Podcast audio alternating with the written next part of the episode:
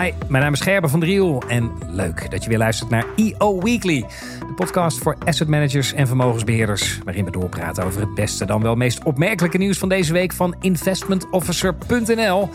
Met deze week, wat is de talk of the town op de European Asset Management Conference? En bankruns behoren tot het verleden. Het zijn bank sprints geworden. Hoe zit dat? En heeft dat ook implicaties voor vermogensbeheerders en asset managers? Maar we beginnen met een raadseltje. Namelijk, wat is de overeenkomst tussen een bankbestuurder en de gemiddelde particulier? Dat is dat ze beide financieel gezien niet altijd even toekomstbestendig handelen. Het verschil is dan natuurlijk wel weer dat de gemiddelde bankbestuurder het voor zichzelf vaak goed geregeld heeft, terwijl de gemiddelde particulier dat niet heeft. En daar ga ik het over hebben met Iris van der Looy, algemeen directeur van DUFAS, zoals u weet, branchevereniging voor vermogensbeheerders in Nederland. Want het is de Global Money Week deze week. Uh, en daar gaat het onder andere over financiële educatie, of misschien vooral wel over financiële educatie, of niet, Iris? Jazeker. Ja, en die Global Money Week is echt wel iets speciaals. Want het zijn echt over alle continenten in de wereld. Mhm. In echt een enorm aantal landen, van Japan van, tot Ghana tot Colombia. Ik zag zelf Bhutan ertussen staan. Krijgen kinderen deze week extra uitleg over geld. Extra educatie. Dus het is best wel bijzonder dat in zoveel landen dit centraal staat. Ja, en uh, maar kinderen, uh, les over geld zijn per definitie niet echt vermogend. Terwijl ja, als vermogensbeheerder zijn mensen zonder vermogen toch eigenlijk totaal niet interessant. Waarom maak jij hier dan toch sterk voor? Ja, nou sowieso is het goed om te weten dat het volgende week in Nederland uh, centraal staat. Dan is het in Nederland de week van het geld. Mhm. En het doel uiteindelijk is natuurlijk echt om mensen meer financieel redzaam te maken. En dat begint toch met een uitleg op hele jonge leeftijd. Gewoon de basis leren van geld. Niet meer uitgeven dan je hebt, bijvoorbeeld. Ja, als ik advocaat van de duivel ben, dan, dan denk ik, ja, als ik vermogensbeheerder ben, denk ik, ja, tuurlijk is het belangrijk. Maar is dat nou iets waar wij ons als vermogensbeheerders nou druk om moeten maken? Nou, wat je merkt is uh, dat vooral deze generatie die opgroeit, jongeren, je ziet het ook al, kinderen die nu op de middelbare school zitten, maar dit is ook wel heel erg op jongere kinderen ook gericht, mm -hmm. is dat ze eigenlijk veel meer financieel redzaam moeten zijn dan oudere generaties. En dat komt ook uh, omdat de financiële situatie nu heel anders is. Dus, uh, en ook de relatie tussen werknemer en werkgever. Hè. Vroeger werkten we 30 jaar voor dezelfde uh, voor hetzelfde bedrijf en dan bouwden we pensioenen op. En dat is niet meer bij deze mensen zo. Ze zullen al zelf veel meer moeten doen. Veel meer zullen misschien gaan werken als ZZP'er later. Helemaal niks opbouwen voor later. Dus dat betekent dat ze eigenlijk veel meer basisvaardigheden moeten meekrijgen dan dat vorige generaties dat mee hebben gekregen. Wat je, je ziet onder andere, Gerben, is dat het ook bij de Europese Commissie heel hoog op de agenda staat. Mhm. En je zou denken, het is misschien iets een beetje een soft onderwerp of zo, maar het is echt ontzettend serieus. En er wordt ook serieus zorgen om gemaakt. Is dat Europeanen ook gewoon echt te weinig kapitaal opbouwen voor later. Juist. Um, en mensen denken dat het allemaal wel geregeld is. En Nederlanders zijn er eigenlijk nog slechter af dan mensen in andere landen. Omdat het hier vroeger ook altijd goed geregeld was. Je had een pensioen. Mm En mensen wisten eigenlijk niet precies hoeveel. Daar was je ook vooral niet mee bezig tot aan je vijftigste. Maar uh, ja, het was allemaal wel geregeld. En daar zijn we eigenlijk een beetje lui en ongeschoold uh, door geraakt. En daar hebben jonge generaties nu last van. Ja, misschien ook wel een beetje bang, denk ik. Hè? Want ik bedoel, ik ben zelf ZZP'er. Als je uh, denkt aan, ja, ik moet wat voor later doen. Uh, ja, ik heb ook nog steeds de Woekerpolis-affaire en dat soort dingen in mijn achterhoofd. Wat je toch een beetje doet terugdeinzen voor die financiële industrie. Ja. Is dat dan ook iets wat je wilt tackelen? Zeker. We hebben twee jaar geleden vanuit Duvas samen met Amundi onderzoek gedaan naar hoe gaan consumenten om met financiën. En daar hebben we dat ook gezien. Dus dat eigenlijk zijn er twee hele grote bergen waar iemand overheen moet. In eerste instantie gewoon zijn financiële situatie in kaart brengen. Gewoon weten hoe je ervoor staat nu. En hoe dit dan in de toekomst is. Mhm. En als daar dan verstandig is binnen dat financiële plan wat je maakt om daar binnen te gaan beleggen, dan moet ook nog iemand die misschien nog nooit belegd heeft, zich daarin gaan verdiepen. En mensen zien daar echt enorm tegenop. En denken, dit is complex, uh, ik heb hier geen zin in. Uh, beleggen is sowieso niet voor mij, dat is alleen voor rijke mensen. Uh, mensen weten gewoon echt niet waar ze moeten beginnen. Nee, en dat en uiteindelijk moeten we ook beseffen in de Nederlandse markt, is dat we, we hebben natuurlijk een provisieverbod in de Nederlandse markt. Het is voor heel veel dingen goed geweest. Ja. Maar het heeft er ook voor gezorgd dat financieel advies minder makkelijk bereikbaar is voor mensen en minder goedkoop beschikbaar is. Mhm. Of naar een gevoel minder goedkoop. Dus mensen vragen ook niet meer zo snel hulp bij het maken van het financieel plan. Er is een kloof die moet overbrugd. Uh, probleem wat niet nieuw is. Maar ja, de grote vraag is natuurlijk: hoe kunnen we hier nou eindelijk dan eens progressie in boeken? Ga ik het straks verder met je over hebben. Gaan we naar België, want daar werden vorige week trends en ontwikkelingen in investmentland besproken op de Investment Summit Benelux. Die vond plaats op Brussels Airport. En qua locatie had het niet symbolischer gekund, want Johan Lema, voorzitter van de Belgian Asset Managers Association, gaf in zijn presentatie aan dat op de Belgische markt Luxemburgse UCITS een hoge vlucht hebben genomen. Kijk, ik praat erover met eh, Jurgen Vlijmans van Investment Officer België. Jurgen, uh, ja, uh, het is 2023. Hij kondigt dat nu aan. Hè? Luxemburgse usage dominant. Waarom is dat opmerkelijk? Wel, je ziet dat die trend in alle Europese landen en natuurlijk België ook al een hele tijd aan de gang is. Dat er hmm. heel veel usage-fondsen, één, worden opgericht en twee, Belgische fondsen worden omgezet in, in usage-fondsen. Oké. Ehm, dus die, die UCITS-fondsen uh, die hebben een uniforme structuur, um, wordt vanuit Luxemburg uh, gereguleerd. En het belangrijkste voordeel is dat um, het kader heel duidelijk omschreven is. Je hebt een heel stabiel rechtskader. Uh mhm. -huh. Zo is er een heel sterke um, bescherming van, van retailbeleggers, vooral omdat um, de middelen die in die fondsen belegd worden, bewaard moeten worden bij een aparte depository, hè, dus een bewaarbank, waardoor alle mogelijke risico's uh, qua bewaarneming, et cetera, die worden toch wel serieus verminderd. Er worden ook bepaalde regels opgelegd um, in verband met de, spreiding van de assets. Zo mogen bepaalde posities niet te groot worden uh, in, de top, in de top 5 of top 10 procent van de assets. En, en heel belangrijk, ook denk ik voor, fondsbeheerders vanuit een commercieel oogpunt, is dat um, de commercialisering of de registratie van die uh, share classes, want de usage bestaat uit, verschillende compartimenten en, en share classes, dat die, dat die heel gemakkelijk en heel uniform verloopt. Dus beleggers die krijgen onmiddellijk een, een herkenbaarheid. En dat is denk ik um, samen met de rechtszekerheid een van de belangrijkste troeven om in die UCITS-fondsen uh, te gaan beleggen. Ja, het is echt, eh, ik, plat gezegd, voor mij het is een soort keurmerk. Hè. Je weet gewoon, als een fonds UCITS is, dan beantwoordt het aan bepaalde ja, kaders, zoals je zelf zegt. Dat, is, dat werkt natuurlijk heel prettig. Uh, is de industrie er blij mee? Toch even check. Ik bedoel, er is natuurlijk ook een wereld geweest dat we nog geen UCITS hadden. Toen kwam UCITS en toen, nou, kennelijk is heel veel, zijn heel veel fondsen overgegaan. Werkt het? Ja, het werkt. Hè. Je ziet heel duidelijk dat, um, dat het, zoals je terecht aanhaalt, denk ik, een, keurmerk uh, is geworden. Uh, het is dus een standaard voor, voor zekerheid en, en betrouwbaarheid, herkenbaarheid. Nu, dat is vooral voor retailbeleggers. Hè. Voor, voor grote institutionele beleggers stelt dat probleem zich minder, omdat zij in principe in alle mogelijke shareclasses, alle mogelijke fondsen kunnen beleggen, ook als die niet geregistreerd zijn in een bepaald land. Mhm. ja, dus dat is, dat is belangrijk om te weten, dat die grote institutionele beleggers, die pensioenfondsen, uh, andere fondsen, die kunnen eigenlijk beleggen in, in wat ze willen. Dus de bescherming, laten we zeggen, die situeert zich vooral op het vlak van de retailbelegger. Juist. En in die zin kunnen we concluderen dat UCITS daar goed in werkt, begrijp ik.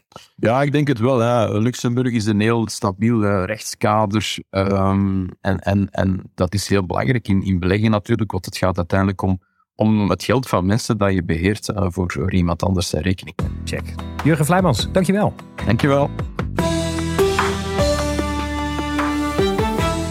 Van Luxemburgse UCITS-fondsen gaan we ook naar Luxemburg. Want alles wat ook maar iets betekent in asset management in Luxemburg verzamelde zich deze week op de European Asset Management Conference, georganiseerd door ALFI, de Association of the Luxembourg Fund Industry. Tja, en als iedereen van betekenis daar is, dan is investment officer daar natuurlijk ook in de persoon van collega Remmel Frenke. Remmel, uh, wij spreken elkaar terwijl het event nog in volle gang is. Wat is de talk of the town? Nou, op de eerste dag was er toch een uh, erg interessante toespraak van de Europese toezichthouder uh, in persoon aanwezig als Verena Ros. Mhm. Zij is voorzitter van de Europese marktautoriteit ESMA. En zij kwam toch met een behoorlijk stevige waarschuwing dat uh, ondanks alle uh, nieuwe uh, zekerheden die Europa heeft ingebouwd in de financiële sector, dat er toch nog wat onzekerheid zit bij geldmarktfondsen, money market funds en ook bij high yield obligaties. En de managers van dat soort fondsen moeten daar toch wat meer aandacht aan besteden. Zeker gezien het risico met de sterk gestegen rente van het afgelopen half jaar. In lijn met wat we ook bij banken gezien hebben, liquiditeitsproblemen, daar moet ik dan aan denken? Precies, liquiditeit is het uh, toverwoord hier. Ja. Maart 2020, begin van de coronapandemie, was ook een, eh, een moeilijke fase voor uh, beleggingsfondsen, vooral open-ended uh, obligatiefondsen. Mm -hmm. daar waren wat liquiditeitsproblemen, omdat veel beleggers dat toch heel plotseling hun posities liquideerden.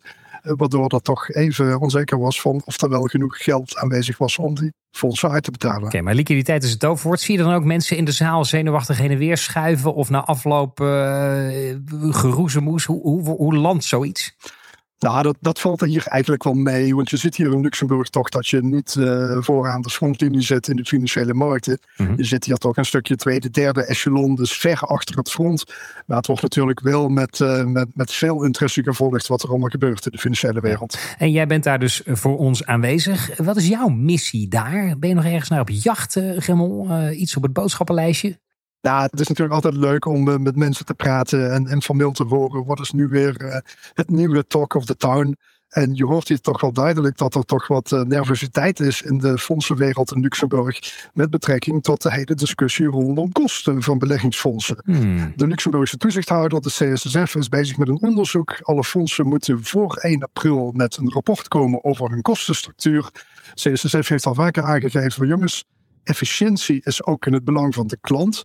En dat is een boodschap die uh, de Luxemburgse fondsmanagers uh, of de gebruikers van Luxemburgse UCITS-fondsen uh, zich toch wel mogen aantrekken. Ook Morningstar heeft er alles een paar keer wat over gezegd. En dat bleek dus eigenlijk dat Luxemburgse fondsen toch vergeleken met fondsen van elders in Europa toch wel fors duurder zijn, fors hogere kosten hebben. Mhm. En de vraag is, ja, kan Luxemburg als zij de komende 35 jaar ook zo succesvol willen zijn met de UCITS-fondsen?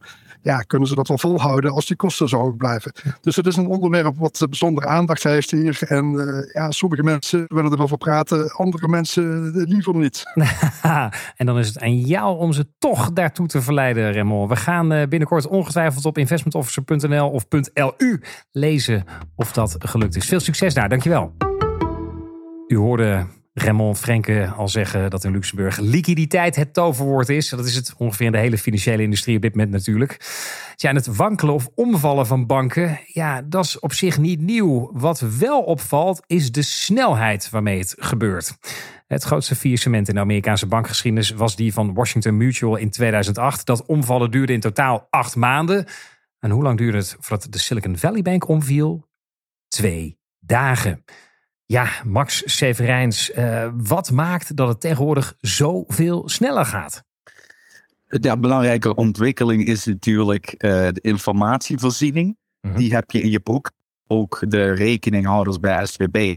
En als die zien dat het, uh, ja, dat het losgaat, when the news is out, ja. Ja, dan heb je Amerika heel snel een rekening geopend bij een andere bank. En dan is je geld binnen min van de tijd overgeheveld naar een andere partij. Ja, ja precies. Je hebt, uh, iedereen kent dat. Je hebt natuurlijk je, je mobiele telefoon. Uh, je volgt sociale media. Jij sprak erover met Joe Vetzani, CEO en oprichter van het in Californië gevestigde Lunar Crush.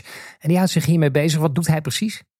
Uh, nou, Lunar Crush is, zoals meneer Vetzani het noemt, een social intelligence company. Maar hij doet eigenlijk iets wat al heel lang gedaan wordt door institutionele beleggers. Dat is namelijk het, het schrapen van social media data. Om te peilen, eigenlijk consistent te peilen wat nou de uh, stemming is over bepaalde bedrijven, over de beurs in het algemeen. Mhm. In principe is dat een veelgebruikte tool door, door institutionele beleggers. Maar hij wil dat democratiseren en aanbieden aan uh, ja, uh, Joe Schmo, uh, dus de belegger zoals jij en ik dat zijn. Ja, precies. Dus we kunnen ervan uitgaan dat wat nu al sneller gaat, dat het in de toekomst nog sneller zal gaan. Hè? Want iedereen beschikt over die informatie en kan snel gaan handelen. Wat, wat is dan de takeaway voor asset managers, CQ vermogensbeheerders? Nou, dat, dat is een goede vraag. Dat is zelfs een dusdanig goede vraag dat zelfs de geleerde autoriteiten, waaronder bijvoorbeeld de ESMA, de European Securities and Market Authority, daar nog niet helemaal over uit is. Mhm. Maar men denkt wel dat vermogensbeheerders en asset managers in principe aan dezelfde risico's onderhevig zijn als banken. Uh, banken hebben natuurlijk te maken met spaarders, die kunnen dat geld nu heel snel onttrekken. Maar uh, asset managers moeten natuurlijk op termijn, een hele korte termijn, rekening houden met het feit dat onttrekkingen ontzettend snel kunnen gaan. Net zoals banken. Dus daar, er zit een onverlap in het risico. En maar wat, hoe dat precies aangepakt moet worden, dat moet in de komende tijd nog uitkristalliseren. Juist, maar in ieder geval, ja, weet je, je kan er ook in ieder geval vanuit gaan dat markten nerveuzer worden, misschien wel. Absoluut. En dat er snel gehandeld wordt, vaak door mensen die er iets minder verstand van hebben. En dat kan natuurlijk bepaalde marktwerkingen opleveren die nieuw zijn. En daar moet je je op voorbereiden. Juist. Dankjewel, Max Severijns. Ja, van iets wat uh, steeds sneller lijkt te gaan, gaan we terug naar iets waar maar geen schot in lijkt te komen. De financiële geletterdheid van het grote publiek. eerder deze podcast sprak ik erover met Iris van der Looy, algemeen directeur van Dufas, over de kloof die ontstaat. Mensen zijn minder financieel geletterd, terwijl het des te belangrijker wordt dat ze financieel handig zijn, gegeven het feit dat we in een steeds complexere wereld leven en voor ons eigen pensioen moeten zorgen bijvoorbeeld. Ja, grote vraag Iris, hoe gaan we er nou voor zorgen dat dat we ja, dat grote publiek geletterd krijgen? Wat is de rol van vermogensbeheerders daarin?